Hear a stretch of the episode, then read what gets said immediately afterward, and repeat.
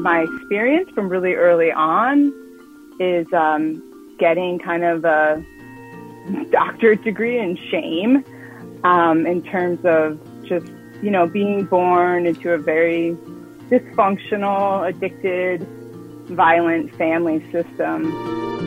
Shoshana Koch is a therapist and Ayurvedic health coach who has overcome addiction, eating disorders, and a violent, dysfunctional childhood.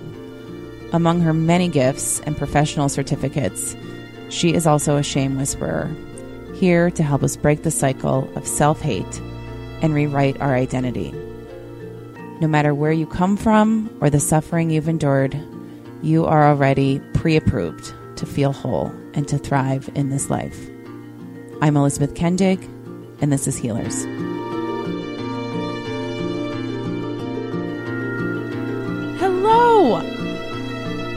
Hello. Oh, you sound good. Oh, good. I'm glad. I've got my beats on, so you never know sometimes with those. Really? I thought those were just like foolproof. I don't know. I yeah, maybe they come and go for me. Maybe mine are old. They have these new ones that I really want that are wireless, and they, of course, just look really cool. I think that's more than Oh, yeah. why I want them. right? So- good, good marketing. Yes, excellent marketing on their part. Well, my dear, we have been talking about doing this for a while, so I know. I'm I'm, pretty super excited. yeah. Pumped. What are you doing right now besides this? Are you just are you sitting in an office? Yeah. Are you at home? How does this work for you? Yeah. So right now I'm at the Coven, which is a co-working space For Yes, I know it. women. Yeah, Yeah. I love it. I saw Um, that you that was- joined, yeah, the the St. Paul location. Um, I love those ladies, and I'm a member at the Wing. So Oh, the nice. whole the whole concept is you're going to be so happy there. Yeah, I've been coming very consistently since I joined, which was like that or you know January first or something, and I'm loving it. So I've just been coming to the Minneapolis site because St. Paul is still um, they're still working it out, but it's it's coming. Oh, it's so cool. Yeah. Well- so I'm in one of the phone booths and Oh yeah, doing. Yeah, those are nice. Those are nice. They are, yeah. You got a little privacy, although it's funny, you can hear everything people say. But I'm like, well, if this is going to be a podcast, I need to be comfortable with people hearing everything I say. People are going to Um, hear it, and then they're going to be like, "What is that for? How can I listen to it?" I think this is a wonderful tactic. You should just open the door of the phone booth and let every every you'll have a crowd out there listening to your wisdom. And you know what's funny actually is, so I think it's, and I totally respect, but I think it's interesting that you just do audio. Because for me, like this is trickier. It um, is. to do like the disembodied voice because I'm just used to, you know, facial expressions and things like that. But it's also really convenient that you do it because then people can really come as they are. So, well, sometimes it's selfish. Like today, I am. Uh, it's very rainy, and I am still in my cashmere robe because that is what Nice. I felt like doing. Um, but I, but more than anything, I mean, I did video for a long time because I like to meet people and see them. But Yeah. um, you are the exception, though, who who like would rather see me for the for the body Uh-huh. language, except you know, etc. Because I find mostly I've probably said this so many times on the show, but it allows us to like concentrate on what we're exchanging more than on like being too self-aware or how do I look or like what is that you know if there's a delay in the facial expressions it just I don't know. It's like a really good phone call.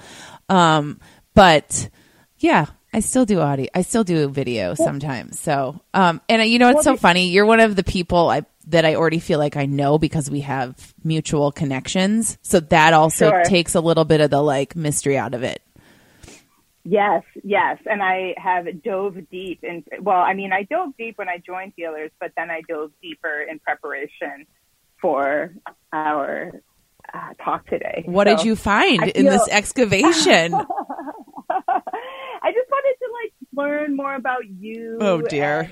I listen. and uh, I listened to a few of the podcasts. They're so good. You're really a very good interviewer, and you ask compelling questions, like thoughtful questions that then generate more. Con- you know what I mean? Like you just Well, thank you. getting people going. hmm Well, I learned early Yeah. on from my my producers, Phil and Derek. They said, Elizabeth, it's a conversation.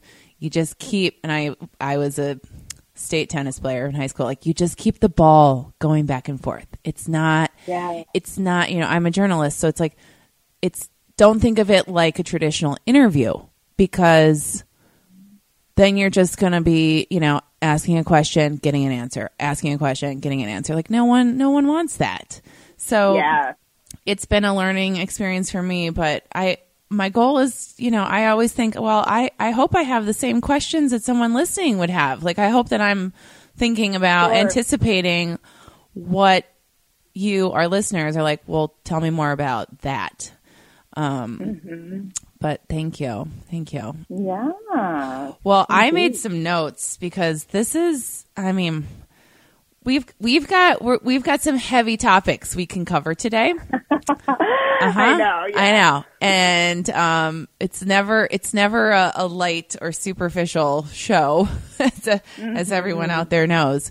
But um, you and I talked specifically about some of your life experiences that are unique to you and that we maybe haven't touched on as much on the show.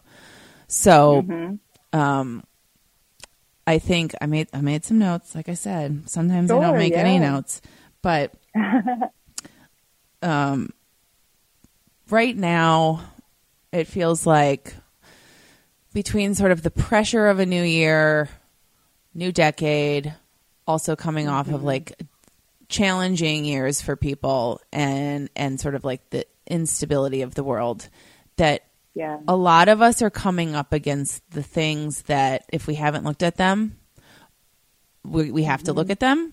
If something's not working we we have to change something right now.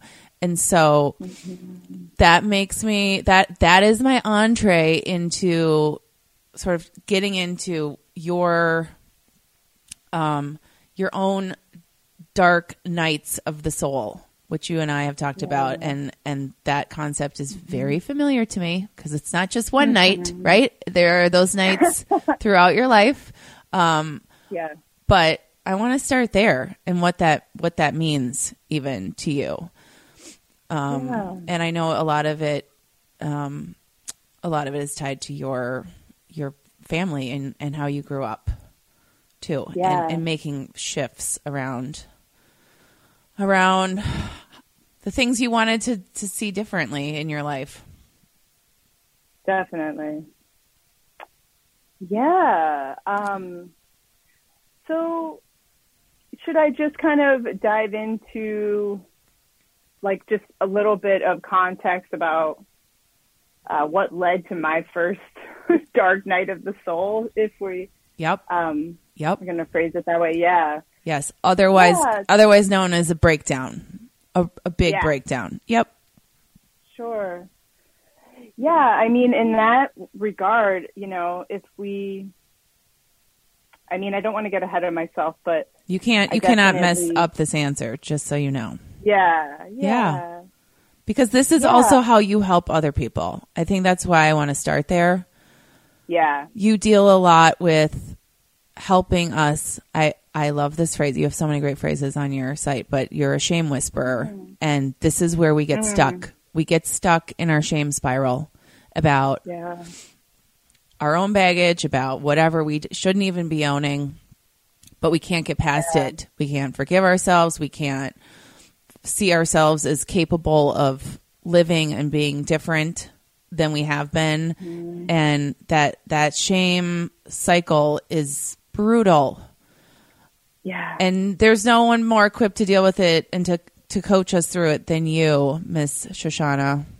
So um, that's Thank really you. why that's really why I, why I want you to share more about how you got to a place of being able to be that shame whisperer and yeah. from working through your own.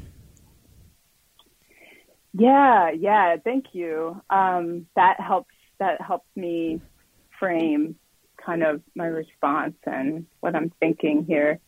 You know, um, I I don't know if I came by that phrase or if I created it. I really can't remember.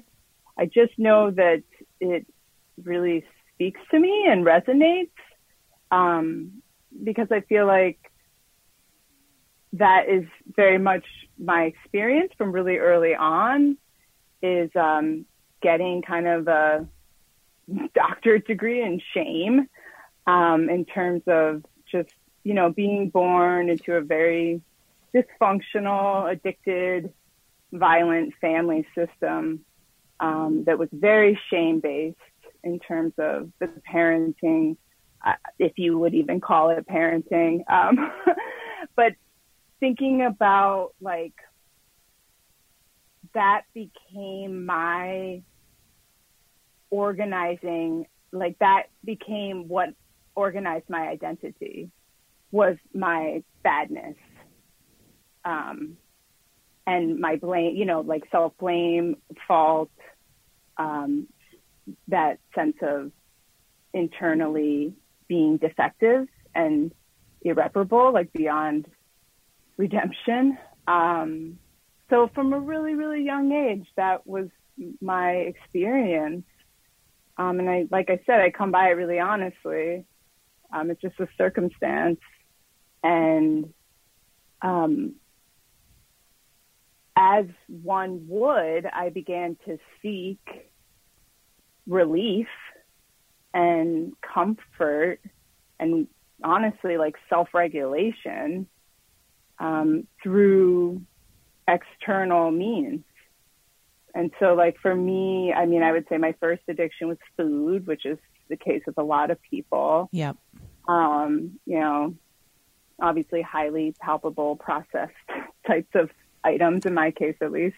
Very comforting. Um, very much yep. so. And very, you know, very sensorial because it's really it's accessing and hitting on all these different parts of the body for comfort um, not just emotional and mental.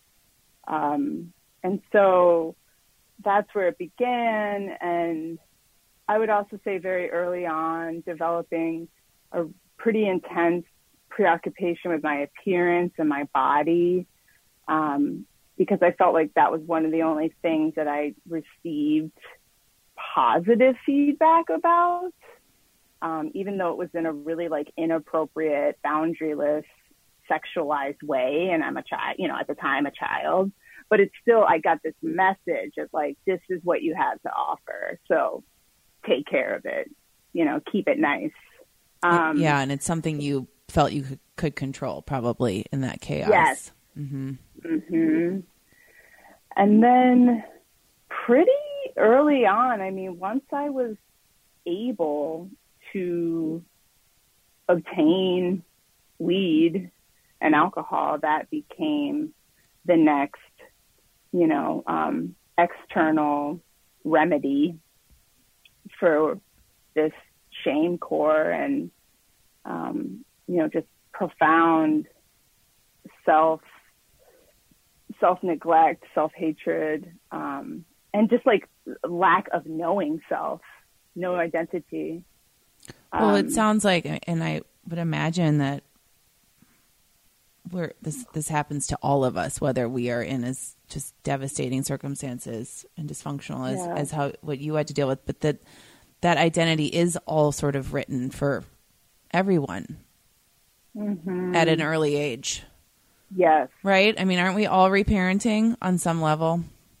Absolutely. I think that 100%. percent hmm Yeah, because even if, you know, I mean, I think about um, friends I have where nobody, you know, there wasn't abuse and neglect and, um, you know, just like abject poverty and addiction in their house, but there was like, this is what we believe, this is who we are.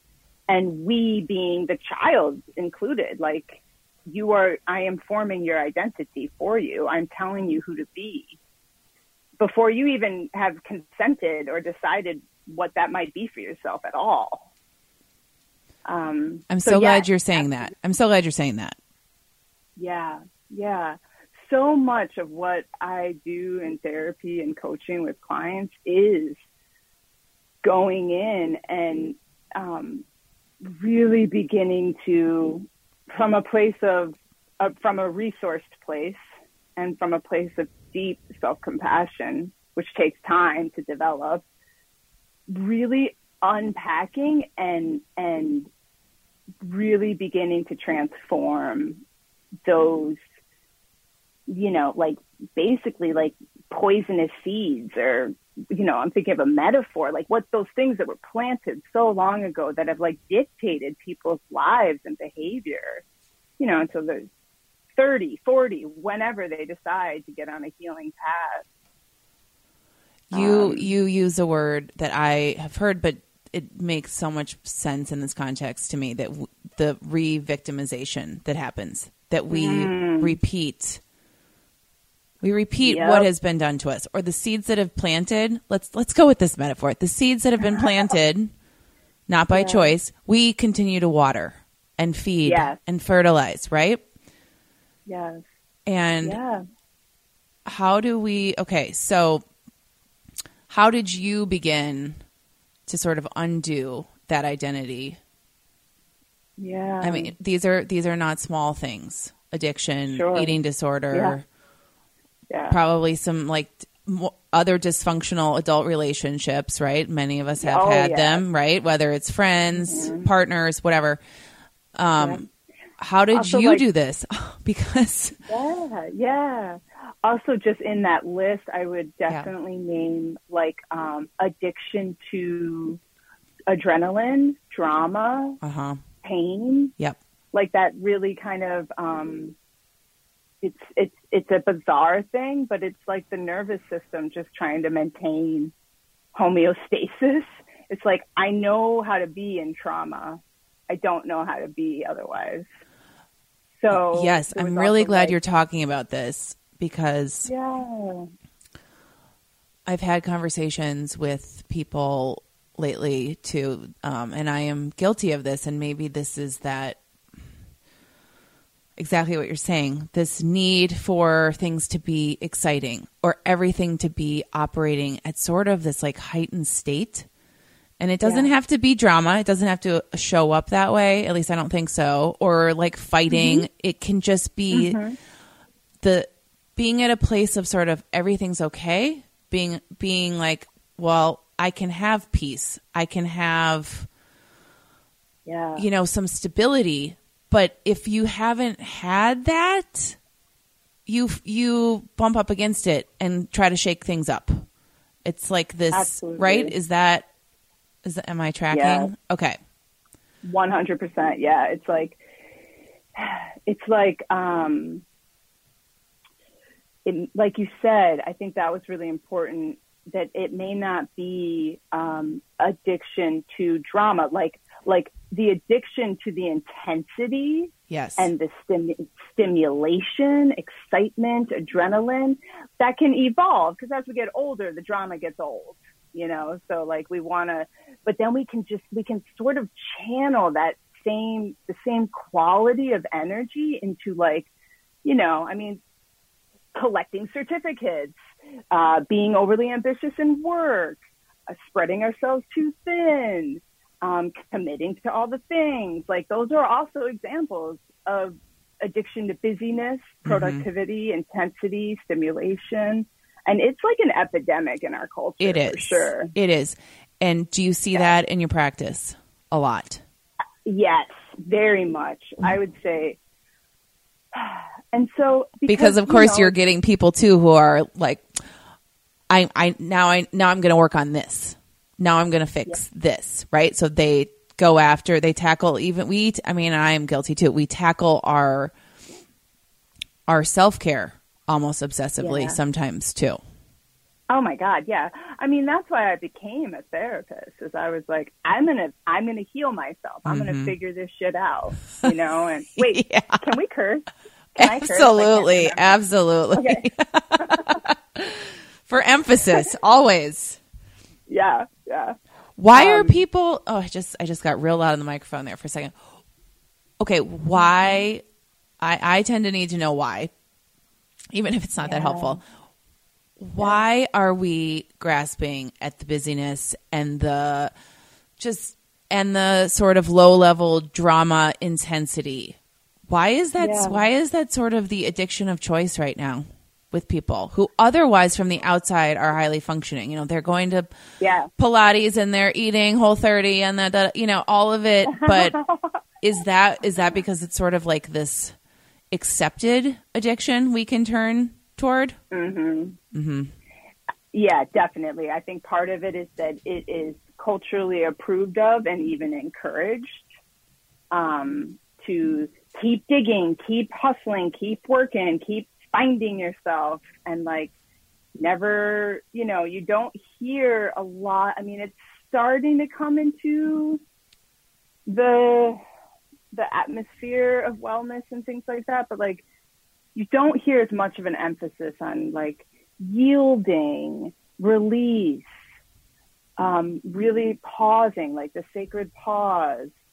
Um, or people do it exclusively on retreat and then they're just 110% the rest of the time. Yeah, it's compartmentalized. Yeah. And um, one of the things I would say, like, why is it such, you know, why is that such a, um, why is that so rampant in our culture is like, I, I can't remember the, I can't identify the name of, of the authors, but um, there's this book all about like social constructs and what's going on right now. And um, my current mentor and teacher, Cate Stillman um, from yogahealer.com, shout out Cate Stillman. Hi, Cate. Um, she she talks about this um, and shares it with us, and I just it's, I think it's so compelling. So their findings are that our culture is increasingly the acronym is VUCA, which is V U C A, and it stands for volatile, uncertain, complex, and ambiguous. Which I think pretty much sums it up. Our culture right now. going on. Yeah. Like our yes, and yeah. that- and oh, I have like a pit in my stomach. I know, and their findings are that we most likely will only become increasingly VUCA as a culture if we don't shift things. And so, like, what's the antidote? It's the stuff that you and I are talking about. The antidote is things like stability, simplicity, ease, less. Like that actually Right. Try those down- words on because I don't know about you, but they just they I feel instantly relieved hearing those words. That is the Yeah. energetic impact that they have. That's what we all really want. Yeah, absolutely. I mean, and that's like kind of the irony is I think everybody just wants to be free and happy. It's like human desire, you know, it's our birthright. Um, and yet, like, our ways of attaining that and working toward that are just sometimes misled, you know? In what ways Um, do you see that show up? Yeah, when when it's coming from a place of being fixated on the outcomes of like I do this either to fix myself or I do this to feel better like it's fine to have an intention that something relieve our suffering like that that makes sense but it's when we become like reliant on the Pilates class or the Whole 30 or the cleanse or the whatever, um, that we like lose self agency kind of. Like we do need tools and we need support, but ultimately, like we, there's a Sanskrit word and it's completely, I can't recall it right now, but it's it translates to seated within the self. And it's about like full self agency and um, embodiment, like like self healers, like you know hashtag self healers, like this concept that like we can take that within our hands and keep using the tools and keep using the support, but know that like at the end of the day, wherever you go, there you are, and you're bringing yourself with you. And like if you if we can't begin to settle that stirring inside of us, we're going to just keep searching. And right. it's going to continue to have this quality of like, it's not enough. I'm still not there. Desperation. Yeah. Yeah. Where's the next, where's the next, you know, antidote? Fix. Yeah. Mm-hmm. Yeah. It's a, of course we, we are, of course we look outside of ourselves. That outcome, yeah. that solution, this tool, this is going to be the one. This is going to be the job. Mm-hmm. This is going to be the person. This is going to be the diet. This is going to be the the moment, yeah. whatever that is. So, which comes back, I think, you tell me. Yeah. To still not being at peace with ourselves, still harboring right. some lack of acceptance because we are, everything is predicated on achieving, acquiring, whatever, meeting some external checkbox. Yeah. Yeah. So how do we work on that? I mean, these are the, this is a lifelong process, right? I mean, I don't expect you to, you therapist, coach, healer. Sure. We're not going to mm-hmm. just like wake up one day and or you're not going to have a simple answer on this yeah. podcast. I, but how are you I, working through that with people? Yeah. That sort of radical self-acceptance. Yeah. That would be to me the first primary kind of like lay down the foundation okay. is begin to develop at least a neutral relationship with yourself and I did ideally a benevolent relationship with yourself. Um, because that, I mean, that is like, I think I, I think I said it in my um, website content, like this idea that it's like it's, it's going to be the most one of the most difficult relationships you ever forge in your life. And it's the most important one because like you're with you until the end and everything stems from that. Everything stems from how you perceive yourself and what you think you're worth or what you think you deserve. Um, and so beginning to do things that like I really like the language of like return to you or like um reclamation, like reclaim because the my belief is, and this is the yogic belief, right? It's like and Buddhism, Eastern philosophy, wisdom is everything we need we already possess. So everything that we're doing is just a process of trying to remove the veils and like shed the layers to reveal what's already inside. Like we all have it. Like this this light, this knowing, love, truth, all of that. Um, but it's it gets buried so deep and even deeper depending on your history. Um, and so like coming to a place of we we have to we have to have some type of practice of stillness in order to shift that relationship with self because otherwise you honestly can't even because it, it's very subtle you know um, it's subtle especially if you're not paying attention to it that's where yeah. that's where the stillness or the meditation there's a constant yeah. dialogue happening in most of our minds and oh, it yeah. is not nice. It is not nice. Tr- no. Trust me. Even if you think it's like neutral, it is not neutral. Because yeah. when you're saying, "Oh, I forgot to do this," or "Oh, I need to do this today," even that mm-hmm. is usually laced with some sort of "You have dropped a ball," or "Oh, yeah. like you're not organized enough," or it. and it's a steady stream. So So one of the things that I recommend to people um, when they really struggle with persistent negative self-appraisal and negative self-talk is honestly like um, visibly. I know it sounds kind of like generic or like oh I've heard that one before, but it, it does help. You know, visibly posting or putting like as your desktop um, screensaver as your cell phone wallpaper.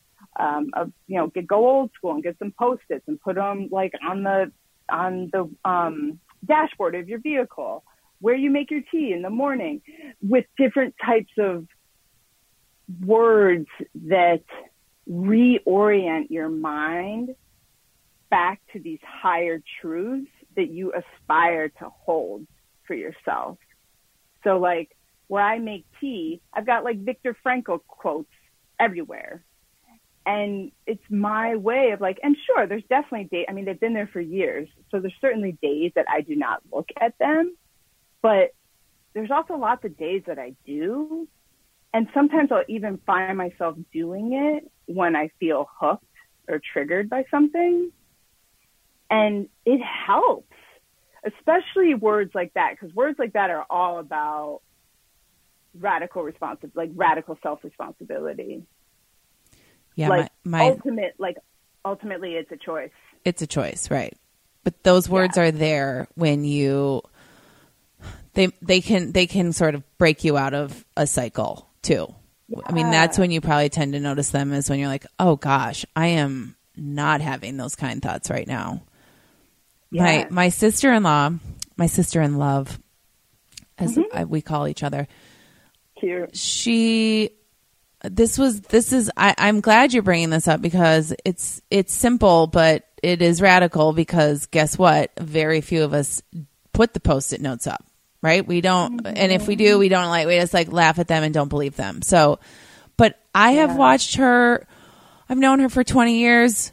Sh- she literally has the post-it notes that say you are a badass or you are a rock star. I mean she she does all of those things and she literally she ha- she has a different mindset and demeanor and way about her than any woman that I know. And um, so whether it's the post-it notes or whether it's just her and she's reinforcing it, like I, I have, I, I, I see the value and Yeah. um, Well, it's we, most of us don't come into our adulthood with those thoughts. So no, we do not. We come in with a bunch of baggage and a Yep. bunch of bullshit that someone else gave us, like their cargo. It's not even ours. No, and they don't know any better than you. This is what I No. always say. I like to my friends, to my husband, like, why would we? And I need to say it to myself too. But like, why are we taking on another human being's idea of us when they are just as flawed, if not more so? Like that person Yep. does not get to be the judge of you.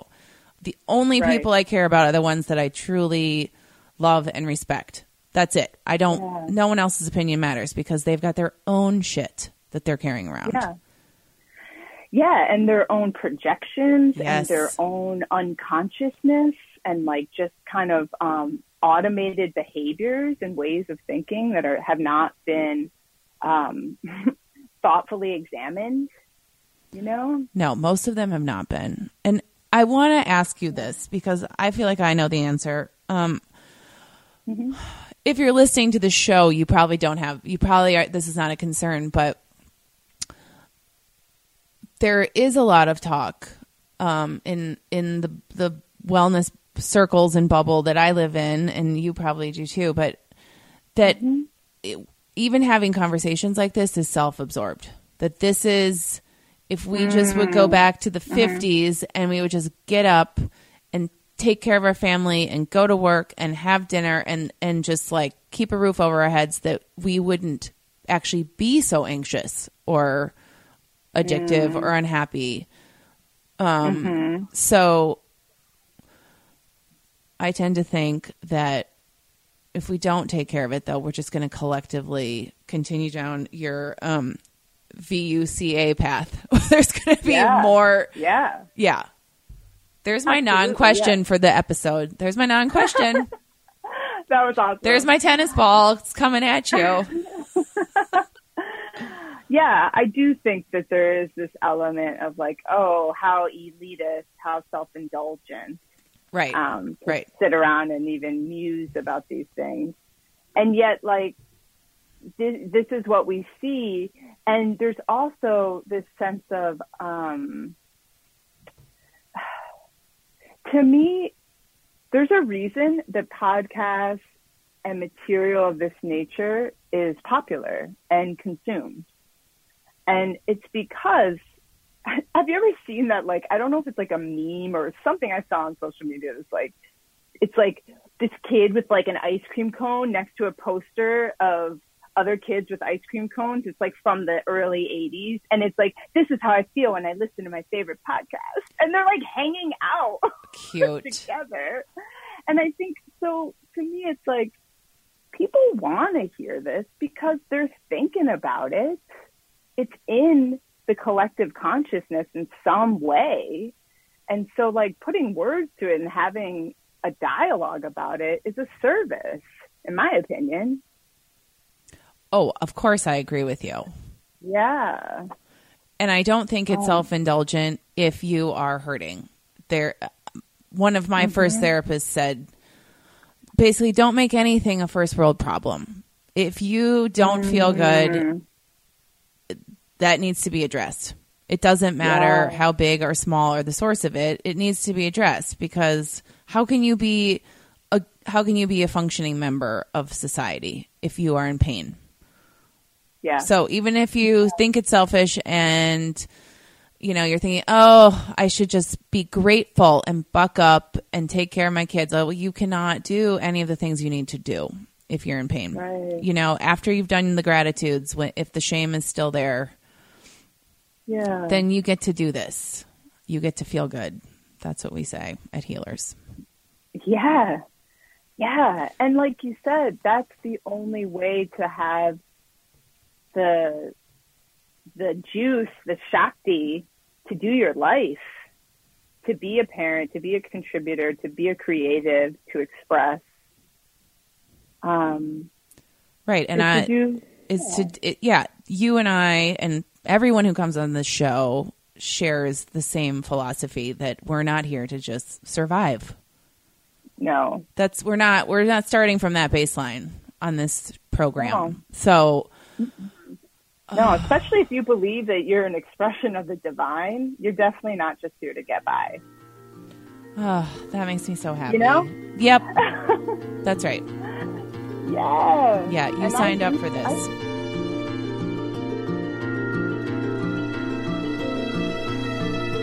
tell me about the um, pre-approval that we're all pre-approved Oh man, That's Anne the- Lamott. Anne Lamott, I know. She lives in my town. Can you believe that? I just like Oh, am still hoping for a sighting someday in the coffee shop. Um so but that's her Yeah. that's her her phrase, pre-approved. yeah. How do Yep. you use it? Uh, yeah, so she's one of my heroines, especially among writers.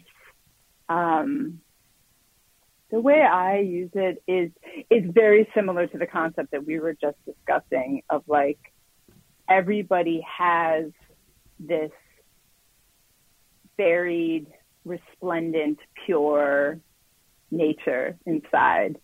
And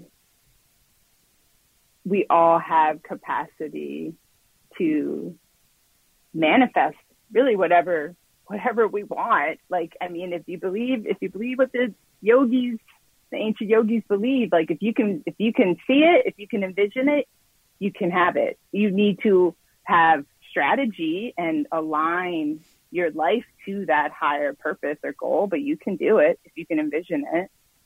Um, and so to me, everybody possesses that. And I think particularly coming from my developmental history, so much of my my re-victimization and my um, own development of addictions and things like that is because of that that core, that shame core, that sense of not belonging. Um, You are you are unapproved. unapproved yeah and and will need to continue to strive and hustle and prove. I mean, that's part of why I have like 10 certifications and degrees is like, I'm, I mean, I don't regret any of those and they all complement each other really well. But part of that was me driven to fix self and prove Um, something to yourself. and prove something to myself and others and and this legacy. Um, and so I think that's what I love about that statement because I believe it. Like I'm like, yes. Like when I first read that, I was like, fuck yeah. Like I just just got Mhm. so excited, you know, because I was like, you're already pre-approved.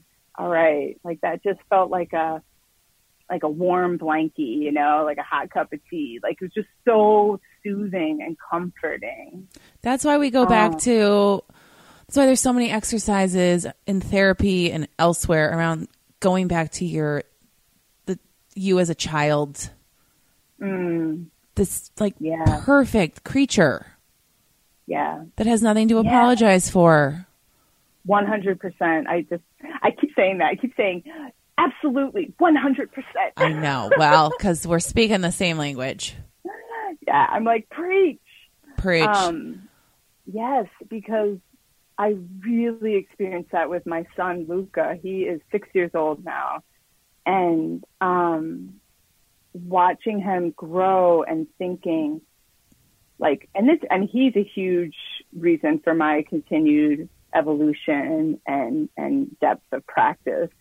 Um, because when I when I do the things I need to do to be the best version of me, I get to really see him in a way that I cannot see him and perceive him when I'm not doing those things. So if I'm not like meditating or having a spiritual practice, um, everything shrinks for me. Everything contracts. Um, that makes and sense. so, yeah. And so, but what you just said, I really learned. I mean, he taught me many, many things. He's like one of my greatest teachers. But I really got that when I had a child, like watching him and just seeing, or, or, and it doesn't mean that you have to have a child to experience this. You can have it around young children, period. It's just, you know, I got to spend a lot of time with one because I chose to have one. So just absorbing him and being like, wow, he, yeah, like you just said, like he is a perfect little being. There's nothing wrong here. There's nothing that he needs to prove to me to receive my love and my approval. You know? what is it need to like? What is it like to see him and think about him being in the kind of circumstances that you grew up with? Oh my God, yeah. It's, um, you know, it's funny. I thought, I don't know why I thought this, but for some, I think maybe somebody said it and I was like, oh, I like that idea. I'll, I'll take that one. Um, that having a child would perhaps soften my perception of my parents hmm and how they messed up so badly. Yeah, Um, and it actually kind of had the opposite effect. it made you Like, I- angrier. Yeah, Yeah. it made me more angry. Yeah, you're I like, there's no like, excuse. Nope. No, I None. didn't. I didn't make your life so hard that you needed to treat me this way, or not get the Right. help that you needed. Yeah, and like you chose me. Yeah, You know, like you brought me here. So your job was to protect and love me. a hundred percent, Um, a hundred percent on that. yeah. Yeah, yeah. And so, um, yeah, you know, I, I struggle with mom guilt because I think it's just part of being a goddamn parent. It seems like everybody has it, even like the, you know, PTA, muffin, bacon, all over the yeah. She probably has it even tips. worse. Because, you know, I'm not like that. Like, I love my son and I show up for him consistently, but like, I'm not, you know, I'm not like head of the PTA and doing all the things that are um, sometimes ascribed to mom. I feel Or- I feel pressure even just hearing this. I don't have kids, but that first first we're all dealing with our own sort of sense of inadequacy that's misplaced. Now the pressure of Right. not fucking up a kid and projecting it on them. Like this is a lot. That's a lot. It is. And I don't It know where the line is between I mean I think I know where the line is observing the amazing parents that I know like that you don't you're not you're not you don't need to be perfect to Right. love your kid. You just Yep. need to love them and accept them unconditionally. Yep. You need to be good enough. Mhm. Um, like there's a, I believe he was a developmental psychologist, Winnicott, and he talked about the good enough parent, the good enough mother.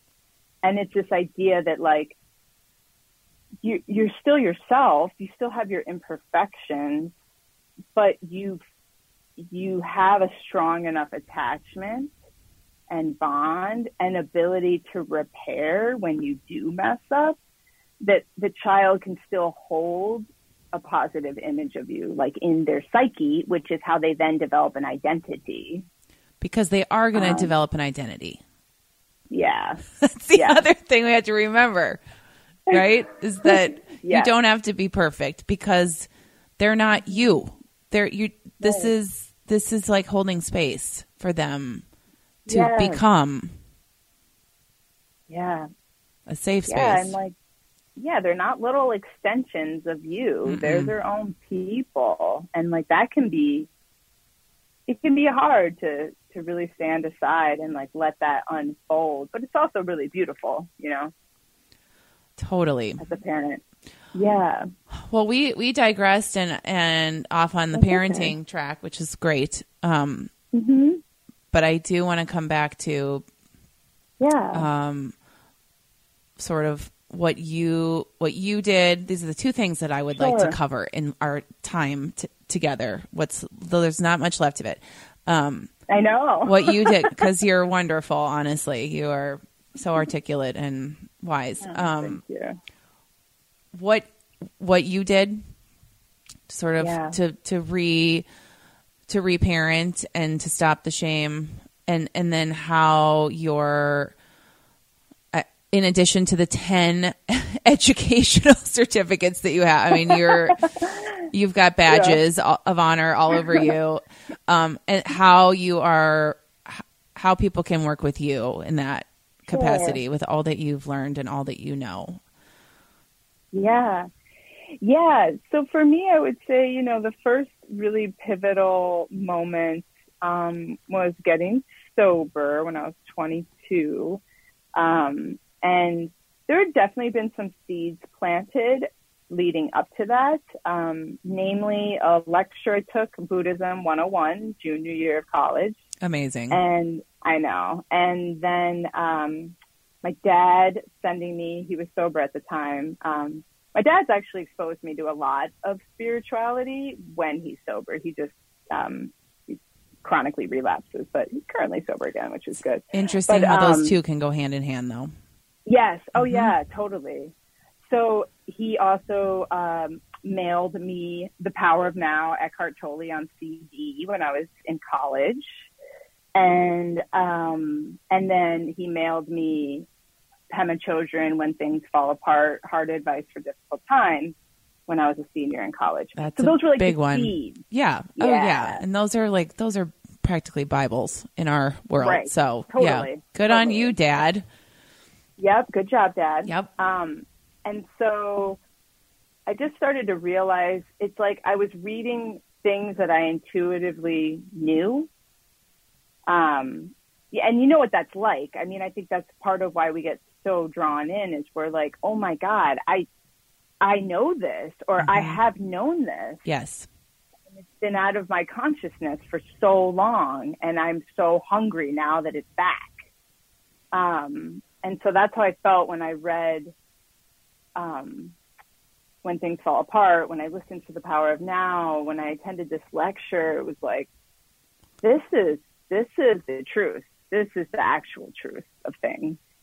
Um, yeah you Like, feel like you're coming home i mean it's so Yes. so corny but if you are listening to the show if you are anywhere in the spiritual space like you just it you realize you've known this all along Yes. and now you're waking up Yes.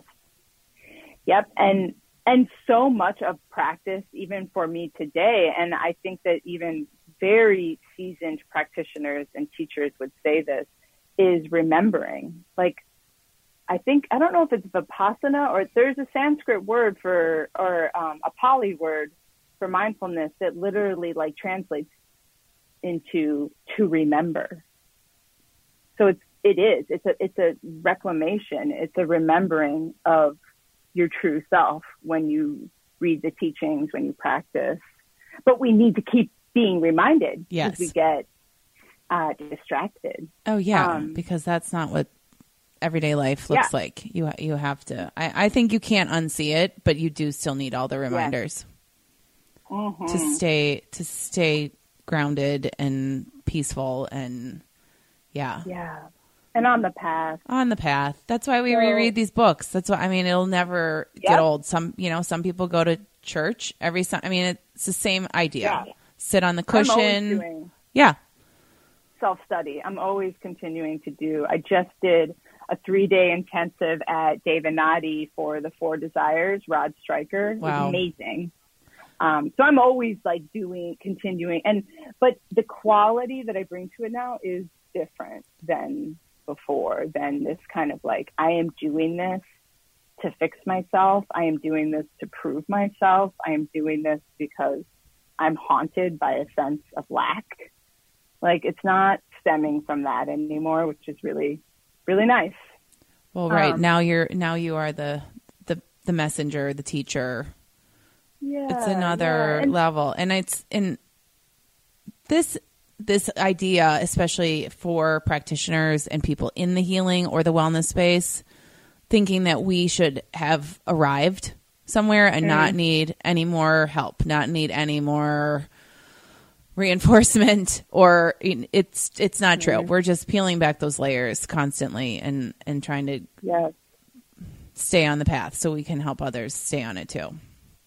And like typically we are our minds are open to possibility and if you want you know for lack of a better way to say it like if you want a bigger and brighter f- future if you want a future larger than the present life you're in you will need to continue to do that work that's yeah. what's part of it and to yeah I, even if you don't that didn't just resonate it's if you really tune in, you will this that feeling, that need for expansion. That's that is yes. that's always there. That is anytime you have dissonance, like oh, I don't like this. Oh, I want something to be different or better.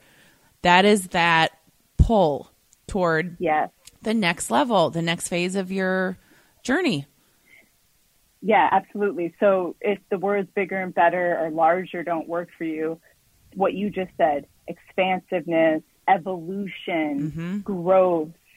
Um, it's only human deep, to feel that way, not to yeah, stay the same. Deepening. Yep, deepening. Yes. Mm-hmm. And so for me, it was, um, yeah, getting sober. And I am a huge believer, it, just because from my own experience, um, that most of our our deepest suffering stems from relational rupture and so to me, that was the greatest remedy was, um, in my case, I found it in a romantic partner, my husband, um, who I've been to, been with for 14 years and married for 10. And, um, you know, he became my attachment figure that I never had. And that was more healing than any treatment I did or book I read or therapist I saw um, was that that love, that connection, that attachment. Um, and that does again, that was for me who I found it in. I 100% believe you can find it in a close friend. You can find it in a provider, in a healer, in a practitioner You can find it in a community, in a mentor, um, but that like we heal in relationship. Like that's where that original wounding comes from. So that's where we find the healing. That's so beautiful. And Yeah. and there is this another corny another corny statement, but it's it's others have said it on this show too who are in relationships that have really helped heal them. This person it it's not it's not a codependency, it is not a need. It is this person who or this therapist or this healing modality or whatever it is that mm-hmm. makes you that re- that reminds you of who you are and you feel Yes. home and Yeah. everything so much that didn't make sense before now makes sense because you have this sort of mirror back to you that you're okay. Yes, exactly. Yeah, they're reflecting back your humanity and your belonging and your goodness. Yeah. hmm Um get I'm getting very emotional. Mhm. Yeah. Yeah, Yes. emotional stuff, little tear jerkers. Yeah. Um, yeah, so I feel like that. So So you've had this? Yeah, I will help you with the transition. So you've had this this safe space yeah, as an adult in your beautiful relationship, got sober and Mm-hmm. in this container for you to yes, do the work, so to speak, um, with on yourself and through education and um, we could we're, we will we will put all of your all of your details in the show notes. But um, sure. you are a therapist, you are a coach, you are a somatic healer, you are a yogi, you Mm-hmm. Ayurvedic expertise. I mean, mm-hmm. the list goes on and on. So I'm not even going to try to cover all of it. But how do you how how can we work with you? Like what and what is I mean, what are you Yeah. excited about right now for how you can how you can support people? Yeah, so I am really morphing into a role as more of like like kind of like spiritual therapy, Sure. soul coaching. Yep. Yep. um, getting sick of managed care and being within that system. So even within that, I've been mindfulness based and Buddhist psychology, but it has its limitations because I'm within a bureaucracy, you know. Yes. Um, and so branching out of that and really beginning to um, do more of the individual and group work with the coaching. But obviously, I mean, I bring in, I'm a, th- I'm a clinically trained therapist and addictions counselor. So I bring that in. I can't like remove that hat. But it, I think it, I think it is. Why would you want coaching. to? Yeah. Why would you want to? I mean, this is what this is what sets you apart and makes us different. Uh, hmm Yeah. And so um, currently, I'm actually launching my first group coaching program, Be Rhythm, Heal Your Body, Ignite Your Power, um, Valentine's Day, which is in 29 days. Um, and that'll be my first ever like group offering, um, group coaching, which is going to be kind of a hybrid of um, online and some in-person events for people who are local or if they want to travel. Uh, we'll do those just like monthly, but it'll be, um, I mean, people can look for the details and such on the website, but it's a very affordable rate right now because it's the first time I'm doing it. Um, so it's that that will change eventually. Um, and so that's really exciting. I just have a few spots left, so it's filling up. It's So that's a year cool. long. That's a year long, It is. mhm, Yep. mostly So virtual group. Okay, and who for for that program and also for your one on one coaching? Who Mm-hmm. Yeah. who is this best? Um, who will this like serve? Yeah. Do you, Yeah. Who's your ideal Yep. listener to work with? Yeah, I would say definitely people who are really interested in identity evolution and like what that means to step into emerging identities. Um, and really like it's so there's work. There's definitely work Mhm. involved, but there's tons of support and I'm really dialed in with habit formation and behavior change. And so we make it very like those words, simplicity, stable, consistent. Um, this is not, these are not overnight overhauls. This is not new year, new me. This is very much sustainable and like automating small things and then building as you progress. As you get it completely dialed in and automated, you build. So the classic example is meditation. And I actually use this. It's the, the approach is called Kaizen, automation before building. And it's like, I started with like a three minute practice. And then I, after a couple weeks, went to five and onward and onward. And like, what's really cool about that is when you can do that, you actually build desire, you kindle your desire and build anticipation because you want more. You intrinsically want more when you start really small like that. Um, yeah, it's addictive and, in itself, isn't it? That you. yes. totally. Um, and so it's for people who are interested in that process. It's really good for, I mean, we didn't even get into this. Maybe we could do a part two. Yeah. But, um, it's really good for, it's, it's rooted in Ayurveda. And so it's excellent for any type of inflammation, autoimmune issues, sleep issues, mood and mental health, hormones. I mean, Ayurveda basically covers it all. Like they, they were obsessed with the human organism and made that their main objective was how do we optimize this machinery, this amazing system. Um, and so you know, like just personally, I can say I was able to get off of a medication that I had been on for years for depression and anxiety. I no longer have horrendous hormonal acne breakouts, which I did have. That's so um, funny because your skin looks so incredible in all of your photos to me.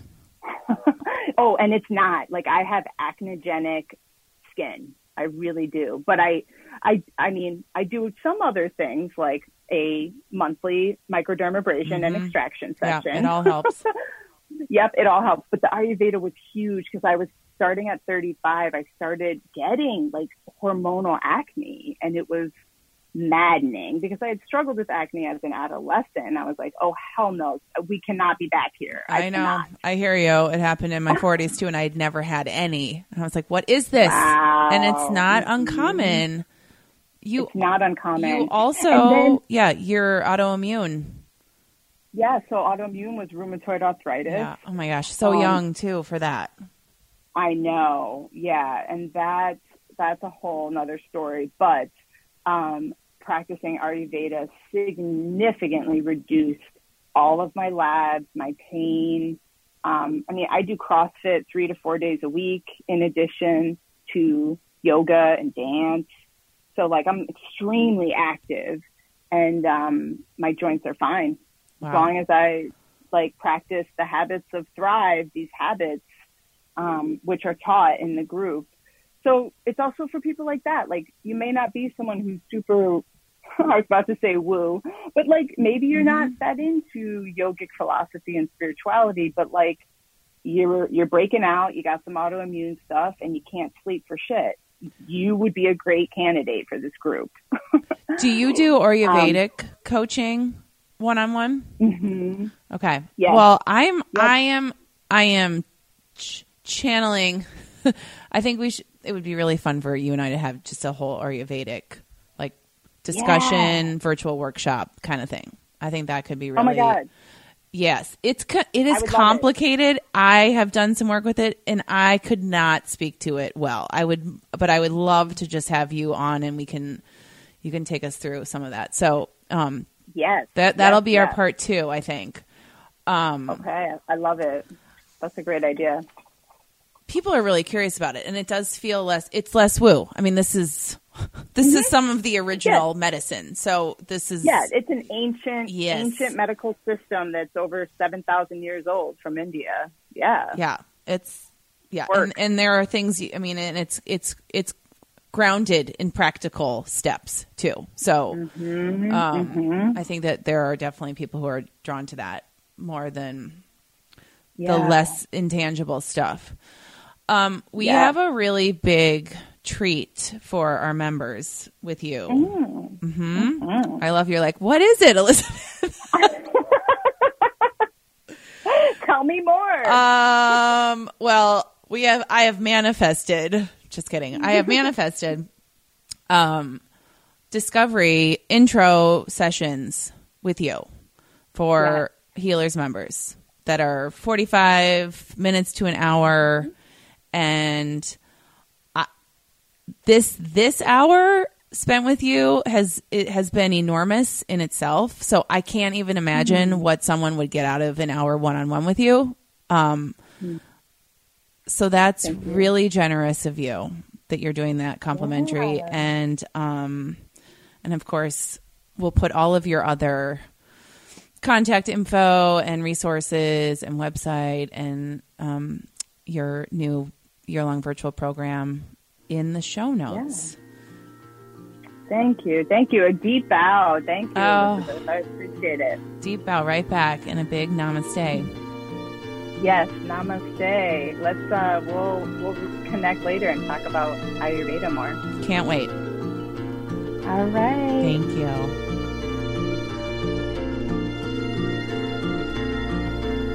You're listening to Healers, hosted by me, Elizabeth Kendig, and produced by Derek Wetmore. If you're ready for more, if you really like this woo and you want to kind of like get in there and roll around in it a little bit, please join us at healerswanted.com. We have content so you can sage your house yourself. We have a trusted directory of our favorite healers so you can stop Googling them, but you don't have to stop DMing me or emailing me for recommendations because I love those. And we have a membership group, which is like the best community of people who love to crawl into bed with their laptop and do breath work together. There's lots more where that came from. We are going to continue to build out this membership, and I can't wait for what's to come in 2020. Also, join us on Instagram at Healers Wanted and subscribe to our newsletter because that's where I like to share a lot of my thoughts and opinions and the best of what's happening on our site and on this podcast. End of my sales pitch. You know I hate this part, but I am so grateful to all of you who have come along for this ride and continue to make this podcast possible. It's the favorite thing that I do. And your feedback and encouragement is the highlight of my day. So, this is for you. Happy 2020, and I will talk to you very soon. Namaste.